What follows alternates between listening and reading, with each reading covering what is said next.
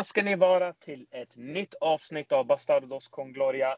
Vi har ju såklart tagit lite semester, eh, försöker njuta av den härliga solen som var kortvarig. Eller hur Bererinho? Ja men precis. Eh, kortvarig, ja men det varade några dagar här i Stockholm i alla fall. Mm. Så man hann få lite sommarkänsla och, och med fotbollen igång och sådär också. Så det har varit härligt. Verkligen. Eh, och eh, vi ska ju ta oss in i värmen eh, här på podden också. Vi har en hel del att prata om. Det har ju hänt ganska mycket på sistone, men vi har såklart också med oss en stamgäst, eller hur Bergar? Visst kan vi kalla honom lite så? Ja, en gäst tror jag är lite Förelämpad. som att ta i. Ja, faktiskt. Ja, det är som att inte ge Sergio Ramos två år istället för ett eller hur? Precis! Rebas, välkommen till podden min vän. Tack så mycket. Kul att få vara med igen. Det var fan ett tag sedan nu. Det har hänt mycket sen sist, sen sist jag var med i alla fall. Mm, precis. Eh, Tom, sa ju, Tom har ju alltid haft den här eh, taken på att eh, Ramos, eh, att nu var det liksom dags att säga ja. Så vi sa ja till honom också, så att han får känna på hur det är. Eh, så det är därför du är här Rebas. ja, det, är bra. Det, det, det är sånt som händer. Eh, nej, men skämt åsido, kul att ha dig här Rebas. Eh, Jättekul att få vara med. Eh, ja, men såklart. Och eh, Bergarinho, eh, vi går in rakt på sak som jag brukar säga. Eh, vi börjar med EM. Eh, det har ju hänt en hel del i det här EMet.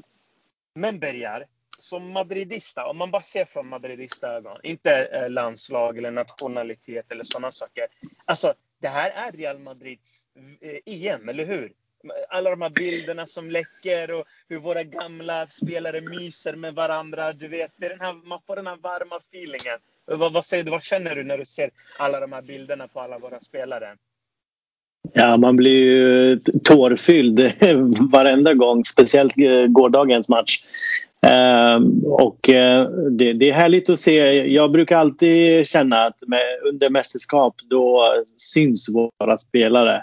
Det är alltid någon som blir turneringens bästa eller det är alltid någon som eh, liksom kommer med någon jätteprestation eh, och så vidare. Så att jag, jag, är inte, jag är inte överraskad men eh, man blir ju såklart eh, tårfylld av eh, kramarna och eh, speciellt eh, vissa som har lämnat klubben och återförenas med andra som fortfarande finns kvar i, av det gamla gänget. Så att, mm. ja, känslomässigt väldigt påverkat faktiskt. Mm. Eh, Rebaz, eh, det här EMet, vad, vad, vad, tycker du själv om det här EMet hittills? Eh, tror du det är någonting som Ancelotti kanske, finns det något som du ser som han kommer använda sig av i sin formation eller taktik? Eller vad, vad känner du liksom hittills kring EM? Men alltså om man ska ta realperspektivet då så kan jag tycka mm. att eh, Benzema lossnade ju rejält för nu senast mot, eh, vad heter det, mot Portugal. Och då Precis. tycker jag ändå att han stärker sina aktier som eh, nummer nio i Real Madrid. Jag tror även att han ingår i Carlos långsiktiga planer. Sen är jag lite fundersam kring faktiskt Carlo kommer ställa upp. Kommer han spela 4-3-3 eller kommer han gå på en 4-2-3-1 och spela med en 10? Och mm. då är ju frågan vem i så fall? Eh, kommer det in någon av de här vi har sett i EM nu? Eller kommer den in då? Och alla vet ju vem man pratar om. Då gjorde ju självklart Mbappé. Kommer han komma? Kommer han inte komma? Eh, och i så fall, hur ställer vi upp med honom och Benzema samtidigt med tanke på att de spelar ihop i landslaget? Så jag tror Carlo har stenkoll på läget och kollar eh, hur spelarna presterar och ser ut. Och jag tror även att det är väldigt bra för honom att få se Benzema i landslaget och se hur han funkar med eh, Mbappé. Och kanske då kan trycka lite på en värvning. För det känns ju lite som att det börjar hända grejer i Real mm. kring den frågan. Eh, och sen får vi ju se om det finns tillräckligt med kapital för att värva eller inte. Det, det är en helt annan fråga dock, men jag tror han har mycket att kolla på. Mm, verkligen. Eh, Bergar, eh, om vi tittar lite på eh, sättet de här lagen har spelat på. Eh, många landslag känner jag, jag vet inte, jag får den feelingen, även om det har varit ett roligt eh, EM. Många lag liksom väljer att backa hem, samla liksom laget och sen jobba därifrån. Eh, får du den här känslan att det är någonting Ancelotti kommer göra med spelarmaterialet han har till sitt förfogande? Jo, men absolut. Eh, jag eh, tror ju, eller jag vet att det är ju Ancelottis sätt att spela. Det har vi ju sett tidigare med Chelsea, Milan och Bayern München och även Real Madrid också. Ehm, Zidane är ju lite av Ancelottis elev och vi vet ju hur han också har format laget och hur han har velat ta sig an matcher. Det är mycket sekvenser i matcher eh, där de väljer, eh, de flesta av lagen, att eh, ligga lågt när det behövs, attackera när det behövs, hålla i boll när det behövs och så vidare. Och jag tror det är den moderna fotbollen. Eh, så att um, man, man, ska, man ska ändå känna att vi, vi är där för att det är ändå den typen av fotboll vi har spelat de senaste åren. Eh, kanske inte med den bästa offensiven om vi kollar till exempel på Frankrike eller, eller, eh, eller Tyskland eller Italien eller Holland för den delen. Men eh, själva upplägget, grundidén känner jag igen och jag tror att eh, det har Zizou fått från Ancelotti och Ancelotti, om vad jag minns från eh, hans tid i Real Madrid.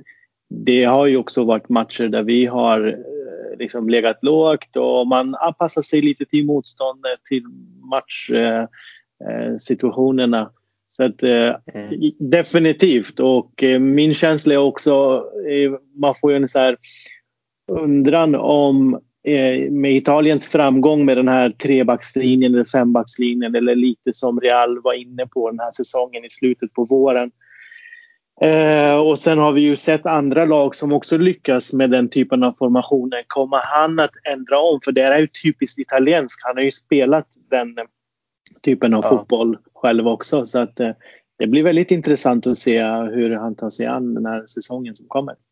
Verkligen. Eh, Rebaz, om jag skickar den här eh, lite eh, tuffa frågan till dig. Tror du att Ancelotti kan få kritik för att det är för defensivt om det ser ut lite, om man tar lite det, det mönstret vi ser i EM, att eh, vissa lag backar hem, de försöker liksom samla trupperna, spela mycket på resultat och vi vet att i Real Madrid att det gäller att få resultat. Skulle du bli besviken på Ancelotti om han valde att välja en mer defensiv approach? Nej, alltså jag är, jag är av den eh, jag är av den åsikten att så länge du vinner matcher så får det lite se ut som du vill. Jag tycker inte att... Alltså det är klart att man, det finns, man har en subjektiv tanke kring hur fotboll ska spelas och vad som är vacker fotboll och inte vacker fotboll. Och där har jag, har jag mina preferenser. Men jag lägger inte så stor värdering i om vi är mer defensiva eller inte så länge det inbringar titlar. Så tänker jag. Sen får man inte glömma att Ancelotti, om han nu även ligger lite lägre, man har väl ändå sett lite tendenser av det tycker jag i Everton i år när han har varit där för den gångna säsongen. Det är fortfarande ett lag som ställer om. Och det är ju så Ancelotti vill spela och det var så han spelade när, när han var i Real Madrid också. Då är det omställningsfotbollen som gäller. Eh, och för mig, om den går att bli lite mer defensiv, det gör inte mig någonting så länge vi vinner matcher. Mm. Härligt eh, grabbar. Eh, på tal om eh, Uefa nu ska ta bort bortamålsregeln, Bergar. Vad, vad tycker du om det? rätt eller fel? Ja, där jag har liksom delade åsikter. Jag vet inte. Det känns Varför ska det man känns, röra fotboll så nej, mycket, Precis det, det, jag tänker. Det känns som om det ja. finns mycket viktigare saker Exakt. att lägga energi på än, än ja. det här. Jag fattar um, inte heller. Sen, eh, sen kan det, ja, det kan ju bli en fördel till exempel eh, för de som startar borta i en, i en match. Eh, eller vänta, det blir hemma. Eh, så, att, eh, så att man ja, får bort den delen. Men annars, nej, det finns så mycket viktigare grejer att tänka på än, äh, än just det där. Och, och jag gillar inte att man, för, man, att man rör om alldeles för mycket i, i fotbollen. Ja. Rebaz, vad känner du kring den här eh, regeln? Jag kan bara berätta att jag känner i alla fall att den är bara dryg. Alltså, så det är bara var, var, vem bryr sig nu om det, den? Var, det finns mycket kring VAR, där kan man göra mycket och arbeta vidare på det. Alltså det finns andra saker. Sen kan det vara lite störande i och för sig såklart. Man går vidare på ett 1-1 resultat. Det, det är okej, okay, det, det suger, men det är också en del av spelet. Vad säger du Rebaz? Men alltså hela den här grejen bottnar ju egentligen i att Uefa vill ha ett större underhållsvärde. De vill ju ha mer intäkter. De vill ju att matcherna ska vara att folk inte ligger lågt utan att man går för det både på hemmaplan och bortaplan och inte ska kunna spela på resultat. Så rent alltså sportsligt och, och så, så tror jag inte det ligger så mycket värdering i det beslutet från Uefas sida utan det handlar ju snarare om att få fler tittare på sina matcher. Det är ju mm. delvis också, om man kollar på de här slutsatserna som Agnelli presenterade eh, vid införandet av nya Champions League-formatet så var det ju det här med att unga inte kollar och allt vad det här är. Eh, så jag tror bara det är, alltså det är ett spin på det Eh, och vad, vad, fotbollen liksom är på väg någonstans. Sen rent sportsligt vad det innebär för lagen. Alltså, jag tror det är en verklighet man vänjer sig vid ganska fort. Fotbollsklubbarna är väldigt bra på och väldigt adaptiva när det kommer till den här typen av förändringar. Och det är klart att jag håller ju helt med er om att det finns viktigare grejer man kan egentligen ta tag i nu än, än just den biten som ändå, det är liksom lika för alla kommer du etta i gruppen så kommer du etta i gruppen och då får du borta eh, plan första matchen. Va? Så här, eller hem, du börjar... Hur det funkar nu igen? I CL när du blir lottad. Ja. Om, om, du vinner gruppen. Alltså de här fördelarna, det har ju bara med det sportsliga resultatet att göra egentligen. Eh, kommer du etta eller två beror ju, det beror ju på ditt, alltså hur du har presterat. Sen om du får börja på hemma eller borta.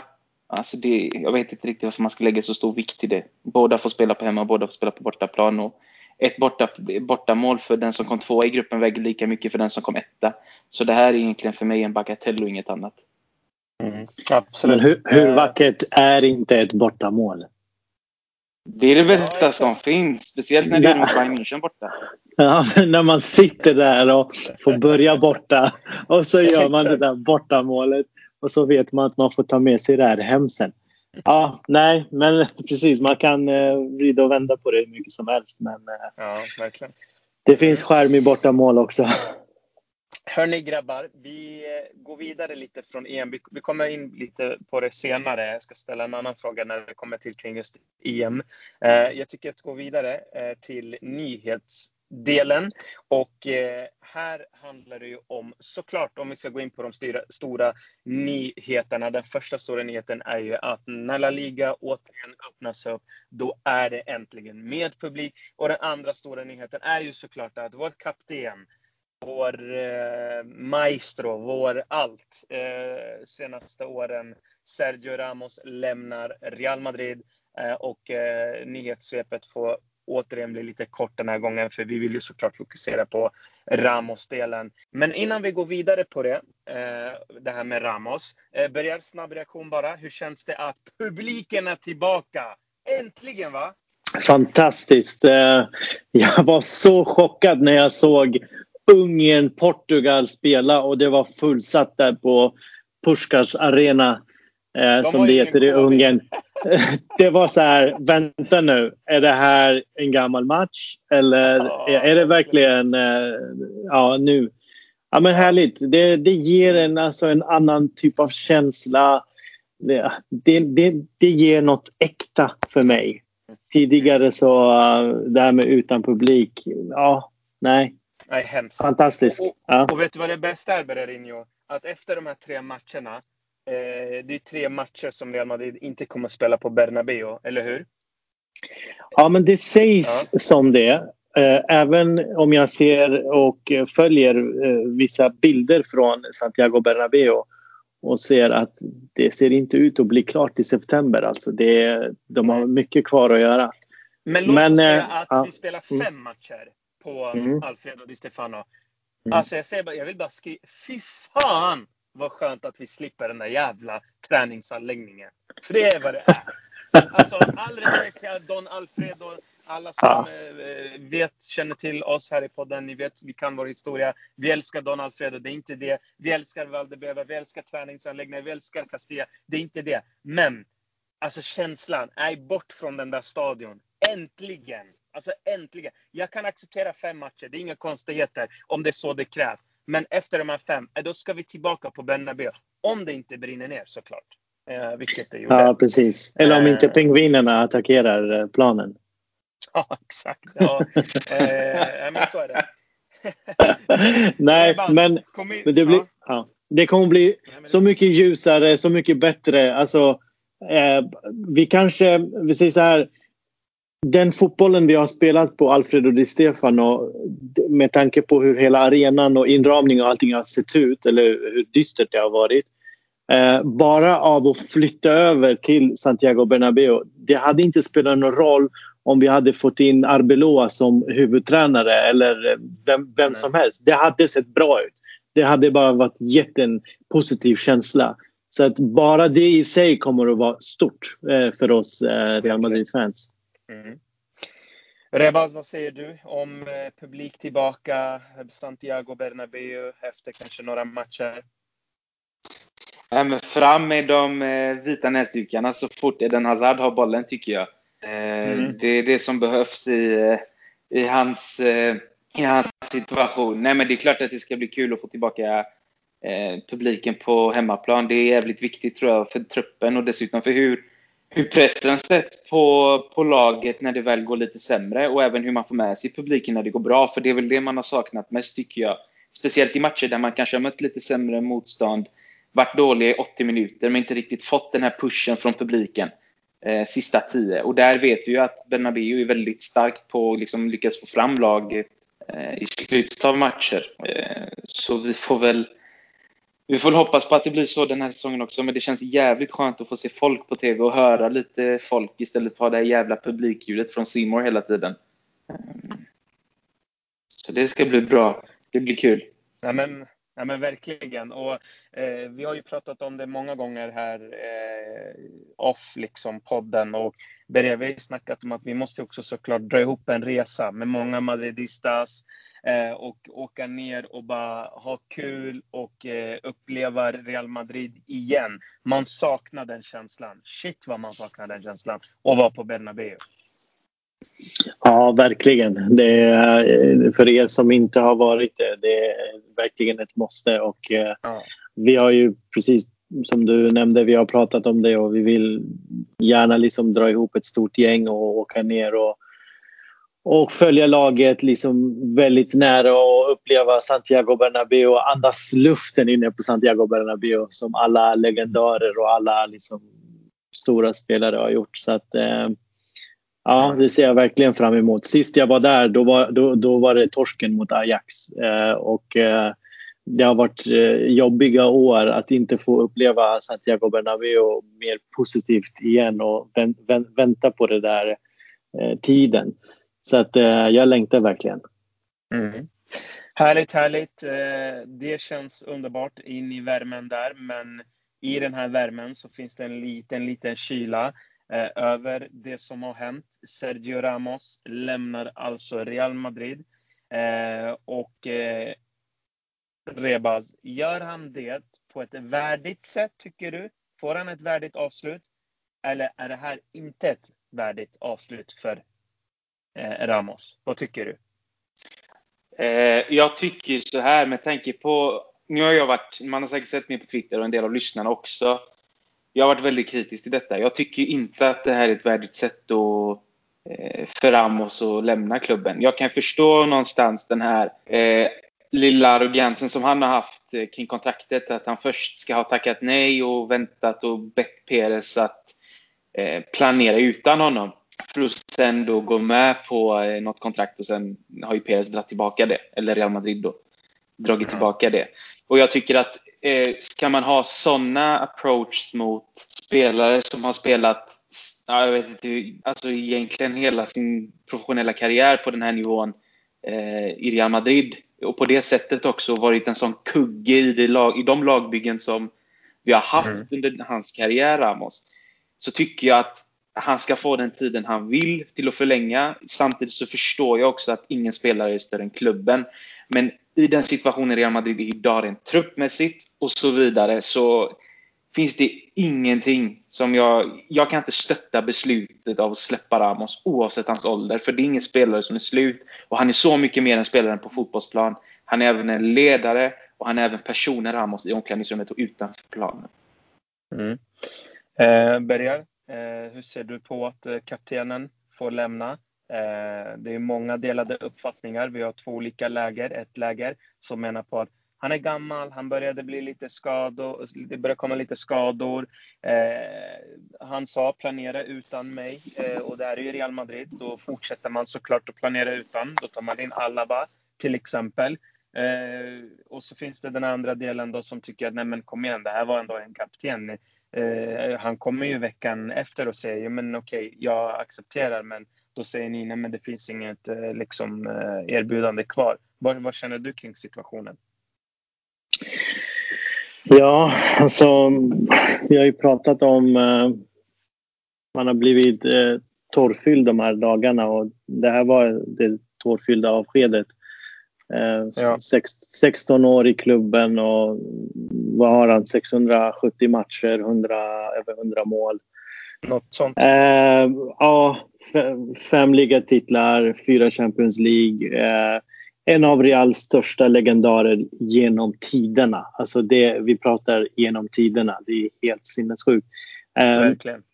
Ja, jag vet att eh, för mig, för mig och för min del, eh, många som har lärt känna mig vet att jag säljer inga legender. Jag gör mig aldrig av med legender. Det där är liksom, spelarna ska vara kvar så länge det bara går oavsett vad. Eh, titta bara på EM nu med Chiellini i Italien. Du ser Modric avgör matcher. Du ser Cristiano och så vidare och så vidare. De här är, de är stora spelare. De ska tillhöra Real Madrid. De ska vara kvar. Eh, när, vi, när jag sammanfattar hela liksom, det här. Jag väntade lite och lyssnade på presskonferensen med, med Florentino Perez och av, avskedet där. Eh, det känns som om Ramos ville lämna Real Madrid ville bli av med Ramos. Eh, så det var så här, det känns väldigt ömsesidigt någonstans. Eh, för mig är det, det, det, det är ett skämt att säga att, att jag accepterade kontraktet men Eh, den hade redan gått ut eller något liknande. Ramos vet mycket väl att Real Madrid då funkar inte så där och hur, hur klubben agerar när det gäller spelare i hans ålder. Eh, så att eh, någonstans så känns det som om han visste redan att ja, jag har den tiden på mig, det är deadline då. Och så kommer han i slutet och säger ja, men, nej, nu vill jag ju göra det här. Men de vet att tiden är ute, och de har planerat. Och klubben i sig, vadå, han är ju fri. Om de vill verkligen ha honom, de kan ju signa honom direkt nu. Eller de behövde inte ens gå ut och göra presskonferensen. Kunde ha fixat det där. Så det känns som om båda två vill gå vidare på något sätt. De har kommit till en nivå att eh, okej, okay, eh, de har inte nått någon överenskommelse. Och här handlar det inte om ett år, här handlar det inte om två år. Eh, och Ramos var själv inne på att eh, pengarna var aldrig ett problem. Eh, och skyllde på att det, det, handlade om en missuppfattning av en deadline och så vidare som jag var inne på. Men jag tror eh, eh, i, i, till det stora så handlar det om att Sergio Ramos måste ha en startplats i den, den, det lag han spelar i. Eller om han skulle vara kvar. Och den startplatsen, den är hotad just nu den är väldigt hotad, inte på grund av att det finns spelare som är bättre än Sergio Ramos utan det är för att klubben måste gå vidare. Klubben måste eh, liksom börja på en ny cykel eller ta nästa steg.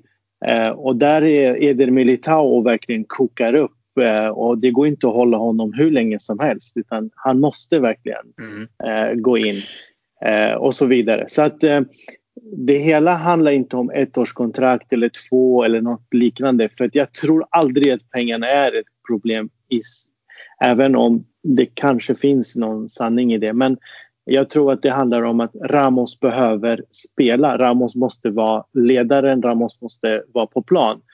Eh, och klubben tänker, han är jättebra i omklädningsrummet. Han är jättebra på läktaren, han är jättebra på bänken. Men vi behöver ha in någon annan. Vi måste liksom starta eh, en ny era.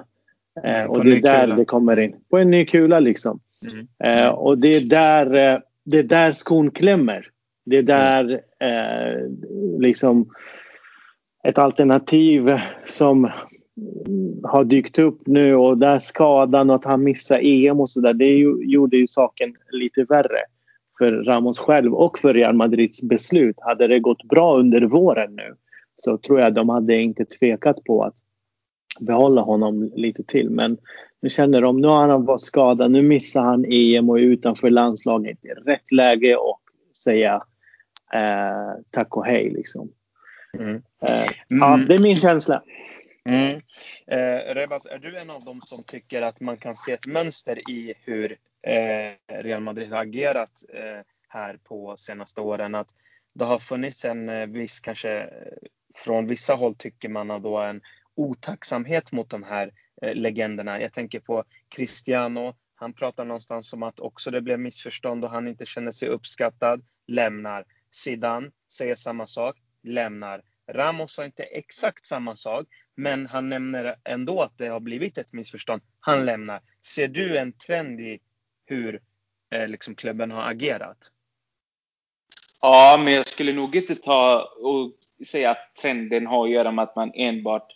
Eh, alltså det är klart att det har ju blivit så olyckligt att det har varit legender och folk som har bidragit extremt mycket till framgångarna de senaste åren. De tre du nämner där är väl de, egentligen de mest bidragande faktorerna till att vi har de titlarna vi har. Eh, och självklart tillsammans med vårt briljanta mittfält. Men eh, den gemensamma nämnaren där skulle jag snarare säga är, är Real Madrid-ledningens eh, brist på vision man, man har en idé om att man ska göra en ny cykel som börjar inne på där med att man ska hålla på och bygga upp och bygga om. Men vart? Vad är planen med tränaren när du tar in Lopetegui, ger han ett halvår eller vad det är, kickar honom, sätter in Solari, hämtar tillbaka Zidane. Har Benitez också. Alltså liksom eh, emellanåt. Och sen har man ju också nu, man blir av med Ramos. Okej, och vad är planen då? Jo, då var ju tanken då att Varan skulle spela med Militao. Men Varan vill inte stanna sägs det ju. Så det jag inte förstår och inte kan riktigt greppa i hela den här eh, historien och karusellen kring spelare som lämnar är, okej okay, om, om tanken är att de här stora profilerna ska lämna och tanken fortfarande är då att Real Madrid ska fortsätta slåss om Champions League och slåss om ligan och Copa del Rey och ta trippen. Varför stärker man inte truppen på det sättet? Om man nu hämtar in Eden Hazard, okej, okay, absolut, en bra värvning på förhand. Men när man ser att det inte funkar, gör något åt saken. Mm. Hem, lämna varann. Okej, vad händer då? Då har vi Militao och Alaba. Vem vet ens om Alaba vill spela mittback? Vi har ju sett i EM hur det sett ut när han har varit mittback. Det är fel position för honom. Han ska vara högre upp i banan. Så det är mycket sånt som jag är lite, eller väldigt irriterad på. Det är den sportsliga ledningens sätt att hantera själva den här eh, bygg, det här bygget.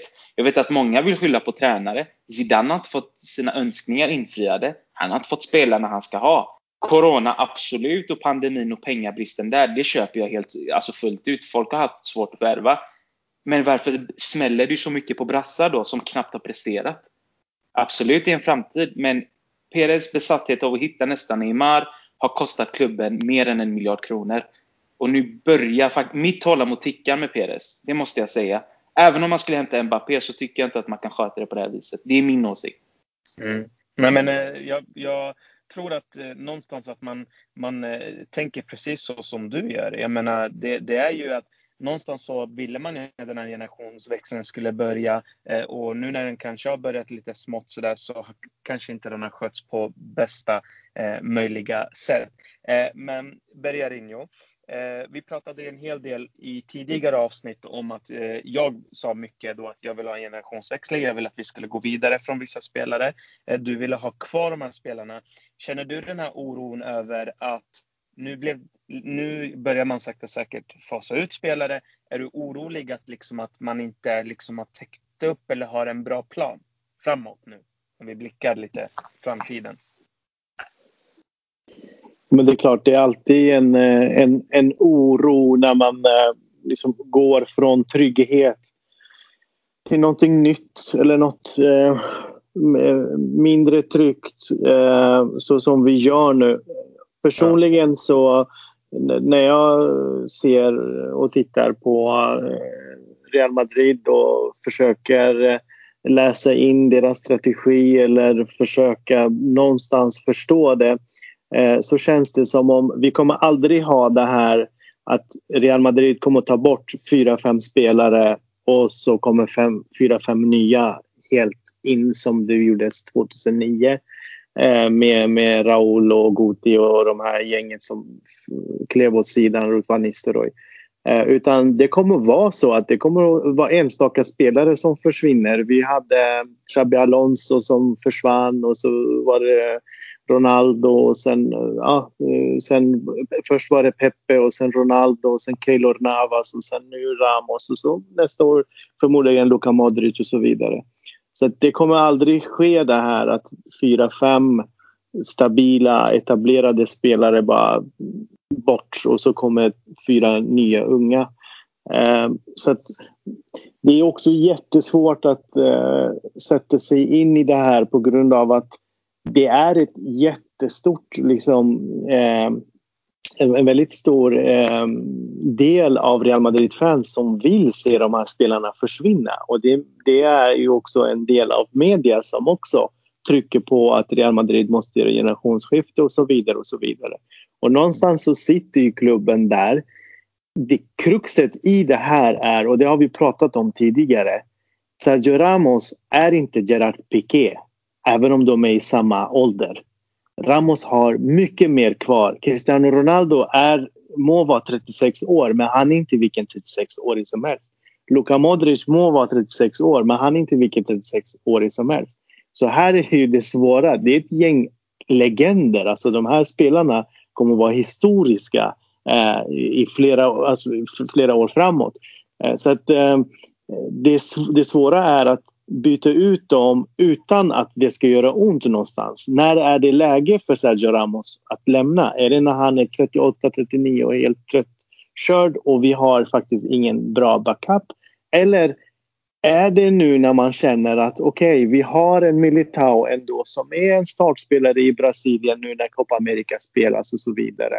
Som också tog chansen verkligen under våren. Sen är ju Sergio Ramos Sergio Ramos. Så att jag tror att läget är ändå okej. Okay. Man får inte glömma bort att den är bra. Det finns faktiskt en, en backup. Till skillnad från Cristiano så känner jag mig lite lugnare nu när Ramos lämnar. På grund av att det finns Alaba eller det finns Militao. Om inte varann nu också lämnar för då sitter vi lite i skiten om man skulle säga så. Eh, men med Ramos så känns det som om vi är mer förberedda för att svara på din fråga ordentligt. Mm. Eh, om vi ska blicka lite framåt då eh, och fortsätta liksom den här tråden, vägen framåt. Eh, truppen som den ser ut nu, Rebaz. Eh, vart någonstans känner du att eh, här måste vi lägga ut den här planen för att Real Madrid ska gå vidare? Eh, jag tänker lite på det, det Berger säger att eh, i försvaret så finns det några spelare, eh, förhoppningsvis som nu Varane då stannar så ser det ändå eh, helt okej okay ut kan man väl ändå säga. Eh, men framåt där, hur ska vi liksom, tycker du agera nu de här kommande åren för att vi ska ta oss dit då? Känner du att det är genom att man köper spelare eller att man ska köpa, fortsätta köpa unga spelare? Vart någonstans vill du liksom man ska ta det vidare? Jag tycker främst att om man ska kolla på truppen vi har idag och vad som finns att plocka upp så tycker jag att Antonio Blanco måste få chansen. Eh, jag tycker det är en mittfältare som definitivt kan komma och spela en viktig roll i Real Madrids framtid och ha en spelarprofil som jag tycker om på ett mm. centralt mittfält och egentligen kan gå in på ja, med två av tre positioner och göra det bra. Sen hade jag ju velat se en mittback in och gärna också Mbappé. Alltså det är de, egentligen värvningar så är det en mittback och Mbappé då, som jag anser var väldigt vitala för Real Madrids framtid. Mbappé får du många år med en ung mittback, se om det är Pau Torres eller om det är Kunde. Jag vet inte riktigt vem det är man kommer att gå för. Eller kanske till och med Laporte som det ryktas om nu. Eh, så behövs det på de positionerna anser jag. Eh, så det är väl där jag vill se förstärkningar egentligen. Ja, men om vi ser att Varann nu stannar då. Om vi, om vi pratar bara om att försvarslinjen, den, den är intakt. Den är som den är. Militao, Varane, Alaba, Nacho. Det är klart liksom. Eh, känner du att om det inte blir Haaland eller Mbappé som det pratas mycket om, får, får, får du den känslan att vart ska vi titta? Vilka spelare kan vi hämta? Finns det någon sån spelare som intresserar dig om vi tittar på ytterpositionerna där, där det finns mycket att jobba med? Alltså för mig så skulle det kanske eventuellt till och med vara intressant att hämta in en högerytter. Eh, frågan är vem man kan få för ett skäligt pris. Jag vet ju att det har snackats lite Mares. Eh, att han kanske vill bråka sig bort från City och kanske kommer billigt i så fall. Eh, är han rätt spelare för att spela i Real Madrid? Det är jag desto mer tveksam kring. Men nu snackar ju Bale om att han är, inte har något annat alternativ än att komma tillbaka till Real Madrid. Eh, men det vet fan alltså. Det är väl där i så fall. Alltså, spelare, Mares kan jag tänka mig som kanske är eh, någonting som går att hämta. Men det är ingenting som jag ser kommer ge oss någon titel. Han kommer vara en bra spelare, men inte mer än så. Mm. Eh, Bergar, eh, anledningen till att jag ställer lite sådana här frågor till er grabbar, det är lite det här med att ja, men, hur går vi framåt utan att eh, vi förstör för mycket? För att vi vet ju att värva spelare idag, alltså det är ju otroligt svårt. Det har ju alltid varit svårt, men idag är det också liksom en, en lotteri, det är en chansning. Eh, ta bara Pep Guardiola, det är ett jättebra exempel. Eh, köpte John Stones, Nathan Ake, eh, Ruben Diaz och sen kom Ruben Diaz, men han hade köpt också Laporte och du vet, det tar lite tid innan man kommer dit. Eh, och eh, det kan bli så även för Real Madrid att när man värvar nu och ska fylla de här luckorna, alltså det kommer ta tid innan man har fyllt, fyllt luckorna igen. Eh, Real Madrid började en process 2009, man värvade väldigt mycket och stort. Nu är det pandemi, Real Madrid klagar och säger att ekonomin är inte vad den är. Man kanske inte kan göra en sån där eh, transfersommar igen där man verkligen kör all in, utan man tar det steg för steg. Eh, Berg, om du fick välja, vart någonstans vill du börja för att det ska liksom gå smidigt framåt utan att det skapas en cirkus? Menar du var i vilka lagdel vi behöver? Precis, vilken lagdel känner du liksom? För jag är lite inne på det här att alltså om inte Mbappé eller Haaland kommer, varför ska egentligen Real Madrid värva? Jag är nästan så, jag kan nästan vara så radikal att nej, jag tycker inte det är många där ute som kommer i Real Madrid avsevärt mycket bättre. Vi har Benzema. Vi har eh, Ödegård som ska komma tillbaka. Sen visst, Vinicius, Rodrigo, Asensio, det är inte de trevligaste alltid att liksom förlita sig på. Eh, men eh, man vet aldrig. Med en Ancelotti, ny tränare, nytt system, så kanske de exploderar. Ja, men så är det. Jag, jag instämmer Förstår där. du vad jag, jag menar? Att det blir mycket ja, ja. risker. Alltså man kan ja, ta, du vet, det blir många Gabriel Heinze, Jonathan Woodgate. Du vet, det tar tid innan man hittar rätt spelare. Det är bara det jag menar. Att om inte det är Kylian Mbappé som vi vet kommer leverera. Vi vet det här. Det finns inte ens att diskutera. Man ser ju kvaliteten på människan. Det är bara liksom, vi ser det. Ja, han äh, väntar ju på på Real Madrid. Men jag, jag håller med där. Eh, jag tycker inte att det ska värvas in någon överhuvudtaget om inte Mbappé eh, till viss del Haaland eh, kan, kan liksom mm. få slåss från deras respektive lag. Utan man får ta det man har och jag tror också med Ancelotti, en ny tränare, en annan typ av erfarenhet, ett annat system eller ett annat sätt att se på fotboll möjligtvis eh, eh, så kan ju det kan ju ske en, en viss förändring och en viss eh, utveckling hos, om vi tänker Rodrigo och Vinicius. Eh, det kan ge till exempel Asensio, Asensio en, eh, ett lyft och det kan ge Bale som är eh, på gång tillbaka Eh, samma sak. Eh, vi får inte glömma att, eh, som du var inne på, att Ödegaard får sin andra chans. Luka Jovic kommer få sin andra chans möjligtvis. Mm. Så att det finns ju krut framåt och det, frågan är hur vi kommer att använda det och förhoppningsvis så är den Hazard skadefri den här säsongen så att vi åtminstone har en lekkamrat till Benzema på riktigt. Mm. Så att jag tycker inte att vi ska fylla på med någon, eh, ja, det spekuleras som Rebas var inne på med Mares eller någon annan. Utan skippa alla de här. All fokus ska ligga på Mbappé. Kommer han så kommer han. Kommer han inte så är kanske plan B Haaland då. Det jag kan läsa av här bara lite kort eh, om när jag, när jag liksom läser um, de olika journalisterna och liksom försöker läsa av. Det känns som om Real Madrid har ju, vi vet ju att de har ju en plan när det gäller Mbappé. Och, och eh, den, är, den är nästan så att den är väldigt eh, eh liksom mm. öppen. Alla vet om det. Eh, och jag tror PSG vet om det och liksom, jag tror Mbappé det kanske för, det, ja. ja det, det förs någon dialog. Man kan ju också se lite på Mbappé nu när han prester, halvpresterade i EM. Han ser inte helt fokuserad ut. Det är också lite en tendens på spelare som inte vet vart eh, framtiden kommer att leda och var han kommer att vara och så vidare. För jag känner inte... Han var duktig i första matchen mot Tyskland men sen har ju de här två senaste matcherna, ah, si sådär. Eh, men min känsla är ju att eh, Mbappé är ju prio nummer ett, det vet vi ju.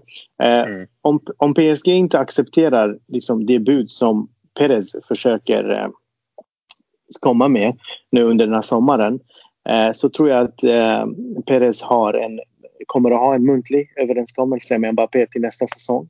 Eh, vi vet ju att de här spelarna, likt, likt Alaba, eh, att det blir en eh, fet eh, sign-bonus när de kommer helt gratis och, och så vidare.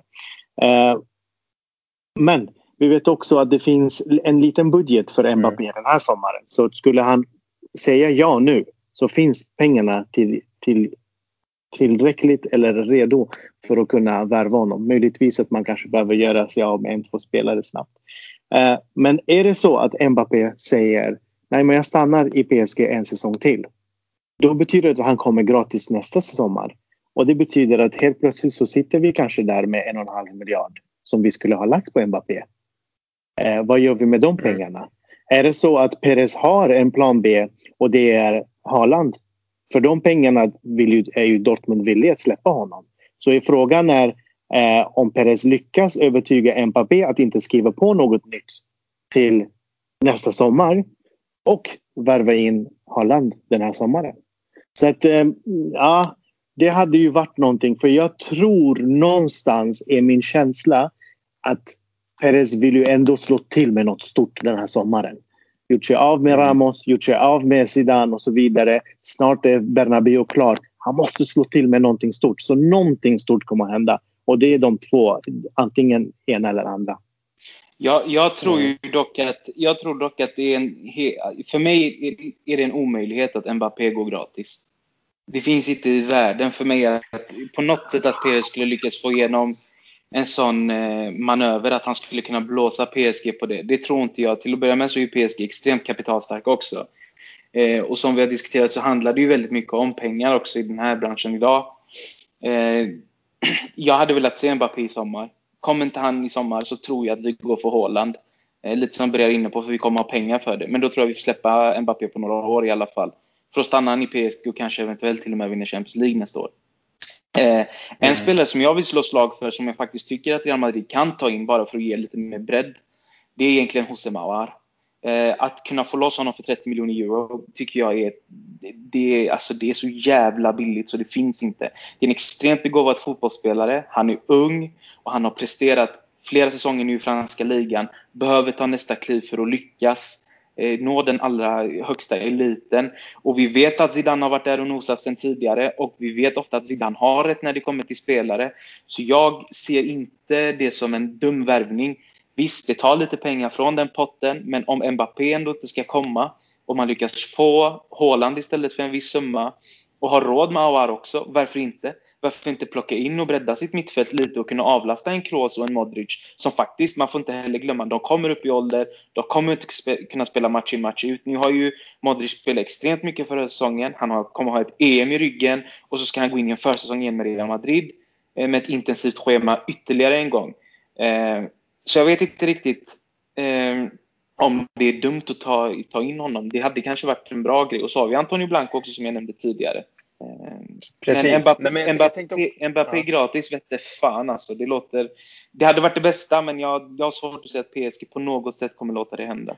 Men grejen är, jag tänker också på att eh, det, det, är också en grej, såna grej jag har saknat lite i Real Madrid. Man har en sån där spelare som du säger eh, Rebaz, en, en, eh, en joker, en som kommer in och kan skaka om och ruska om lite i matcher där vi behöver liksom eh, väcka laget. Vi vet att Isco, ah, det är sådär, han ryktas bort, vi får se om han är kvar. Han har ju bra relation med Ancelotti, men ja, det, det, en, en Mares eller Awar eller någon sån typ, bara för att bredda truppen. Det hade jag inte heller faktiskt haft eh, emot. Sen är det ju det här viktiga, vi, vi har också varit inne på varenda jäkla avsnitt förra säsongen. Det var ju skadorna. Snälla, var skadefria, var skadefria, var skadefria. Så att vi får liksom hela eh, bredden och att där alla är med och bidrar. Men jag håller med. Det, det, om det är någonting jag vill se i så fall, det är liksom någon joker, någon som skakar om antingen på mittfält eller eh, på eh, ytter, eh, ytterforwarden liksom.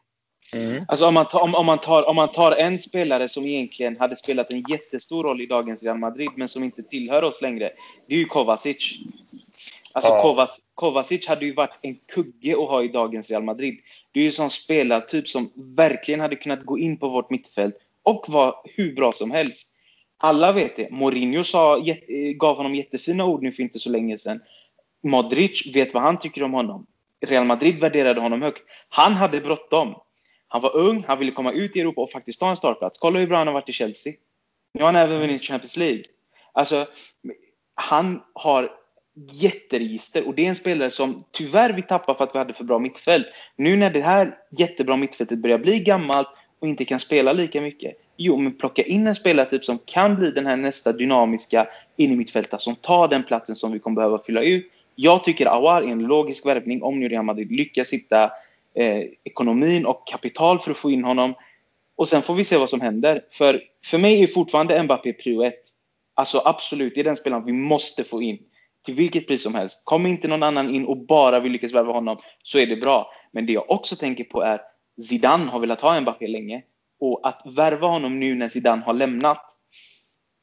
Det blir ett, mm. litet, det blir ett slag i ansiktet på honom. Tyvärr, men det blir ja. det. det. Det. blir verkligen en käftsmäll för honom.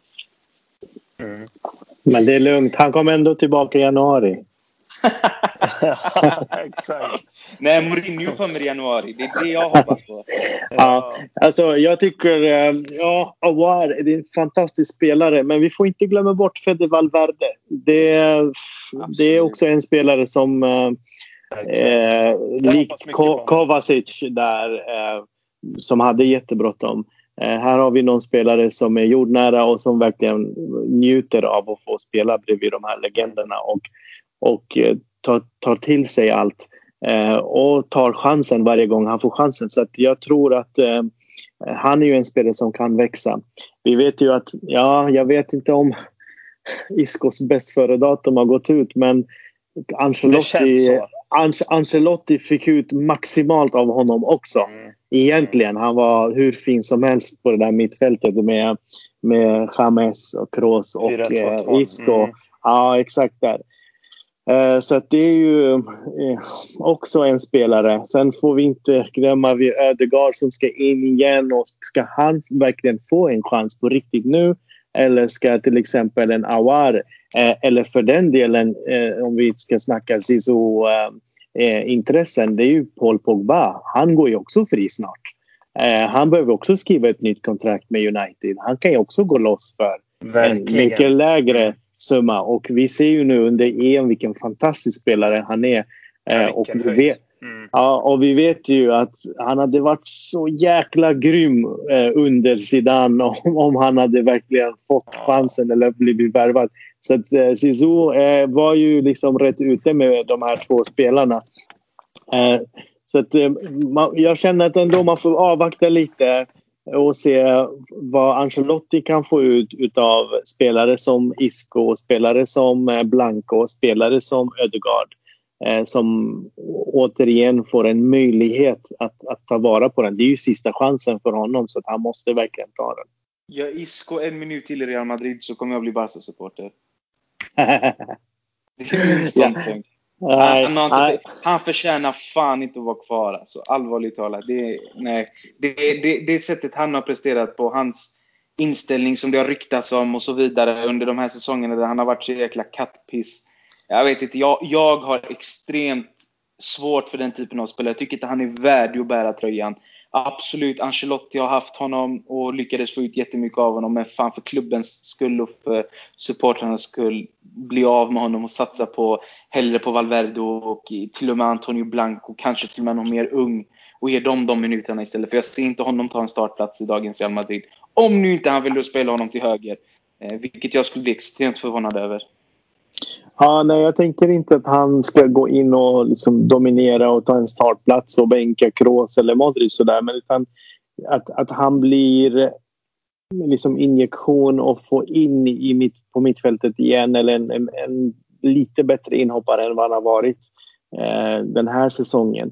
Eh, det är ju, samma sak där. Det är ju det är svårt att släppa en spelare när man vet vad han kan och vad han har liksom presterat tidigare. Eh, som också sitter där och verkligen håller truten och inte säger ett ord egentligen ute i media eller klagar inte och så vidare utan han blir mm. bänkad och han, han tar det liksom. Eh, sen eh, för mig, för mig eh, är det också viktigt för Real Madrid nu den här säsongen att få tillbaks ett par spelare i det spanska landslaget. Det går inte så här att spela utan eh, liksom en given Real Madrid-spelare på det mittfältet eller i backlinjen eller i offensiven av det spanska landslaget. Så vi måste verkligen få in eller få tillbaka åtminstone en Asensio eller en Isco och så vidare. Så att jag har inte gett upp hoppet än eh, för eh, vi får se vad, vad, vad heter det, Ancelotti får ut då, mm. utav de här spelarna. Marcelo mm. sägs ju bli den nya kaptenen. Eh, så det är värt att lyfta. Eh, väldigt intressant vilket också innebär att Marcelo får en, en liksom startplats i, i Ancelottis lag. Mm. Ja, det ska bli intressant att se vilka Ancelotti väljer att liksom gå vidare med. För det är också en sån grej. Det är inte bara spelare som man kanske vill ska in utan det är också spelare som man kanske vill se lämna och vilka blir det? Eh, nu vissa som kanske skulle ha lämnat under sidan kommer inte göra det. De kommer vara kvar. Eh, det ska bli otroligt intressant att följa. Eh, Rebaz, har du någonting du vill lägga till innan vi avslutar? Att Eden Hazard får fem matcher nästa säsong. Sen kommer jag börja med mina hatiska tweets mot honom ganska så omgående. Jag kommer åka till Bernabéu och hissa den vita flaggan. Jag kommer inte stå med en näsduk. Jag kommer stå med ett jävla, en riktig jävla flagga. Det är väl det enda jag vill lägga till inför... Vi får se hur han går i EM, men uh, ja, jag, mm. jag, ja, vi får se. Ja, jag förstår dig. Jag förstår dig. Absolut. Bergarinho, har du något du vill lägga till innan vi avslutar? Eh, det blir intressant eh, om Perez eh, avvaktar och kollar vem som blir turneringens spelare eller är med i liksom startelvan. För han brukar slå till på de här mästerskapsspelarna lite då och då. Ja, det var det jag tänkte fråga. Bra så, så, så, frågan, så frågan är om eh, Real Madrid eller Ancelotti som vi vet eh, sitter hemma och njuter just nu av att bara få komma igång snart. Eh, om de eh, spanar in någon eh, spelare eh, från EM som, som går bra. Finns det någon spelare du tror de sparar in? Det var det min fråga var när jag sa att vi skulle komma tillbaka lite till EM innan vi avslutar här. Men vad, finns det någon spelare du tror så här, här kan man vara kanske lite intresserad? Eh, ja, alltså det är ju Ancelotti och han är italienare och det är ju en del italienare som går bra, som ser bra ut. En av dem är Barella eh, som spelar i Inter. Eh, Lucatelli är ju den andra. Så att eh, man ska förstärka mittfältet så kan ju de två vara två namn eh, som kanske Ancelotti och hans team tittar lite närmare på. Eh, för övrigt eh, Nej, jag har... Alexander nu, Isak! Just nu tänkte jag säga, det är bara Real Madrid-spelare som får eh, de här Star of the Match-troféerna. Ja, Alexander Isak, absolut. Det hade ju varit intressant också. Men eh, jag, jag, tror att de har ett extra öga på italienarna. Eh, okay. Han och Isak får, in, Is, Isak får ju inte gå till Barca. Det är ingen Barca-spelare. Allvarligt talat. Det är en Real Madrid-striker och inget annat. Tyvärr så har vi Benzo. Benzo har väl några år kvar på den här nivån känns det som. Han har ju lagt i ytterligare en växel eh, den gångna säsongen. Men Alltså Isak i ett Real Madrid som ställer om med Ancelotti, ja det vet, ja, jag vet inte hur bra det hade blivit. Så jäkla bra bara. Det, det hade varit häftigt att se också en svensk spelare spela på Bernabéu i vita tröjan. Det hade varit fint. Han har ju varit bra på Bernabéu. Det får vi inte glömma. Verkligen. Eller det kanske ja. vi vill glömma, men... Vi vill glömma.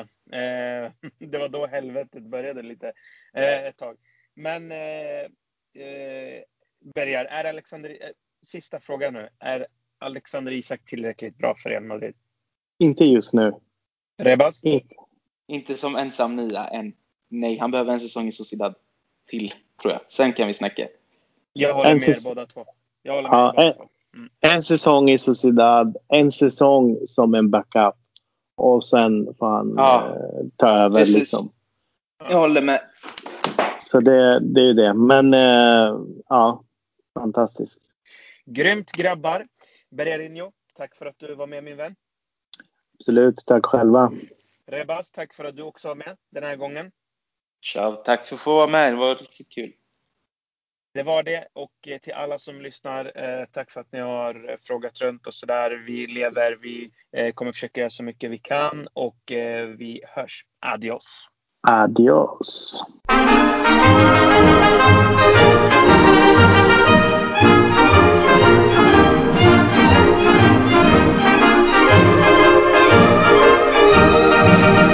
de las glorias deportivas que campean por España. Va el Madrid con su bandera, limpia y blanca que no empaña.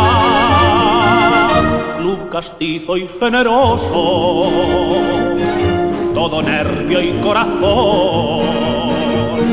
Veteranos y noveles, veteranos y noveles miran siempre sus laureles con respeto y emoción. A la Madrid, a la Madrid, noble y bélico Atalid, caballero del honor. A la Madrid, a la Madrid, a triunfar en buena lid, defendiendo tu color. A la Madrid, a la Madrid, a la Madrid. A la Madrid, a la Madrid, noble y bélico Atalid, caballero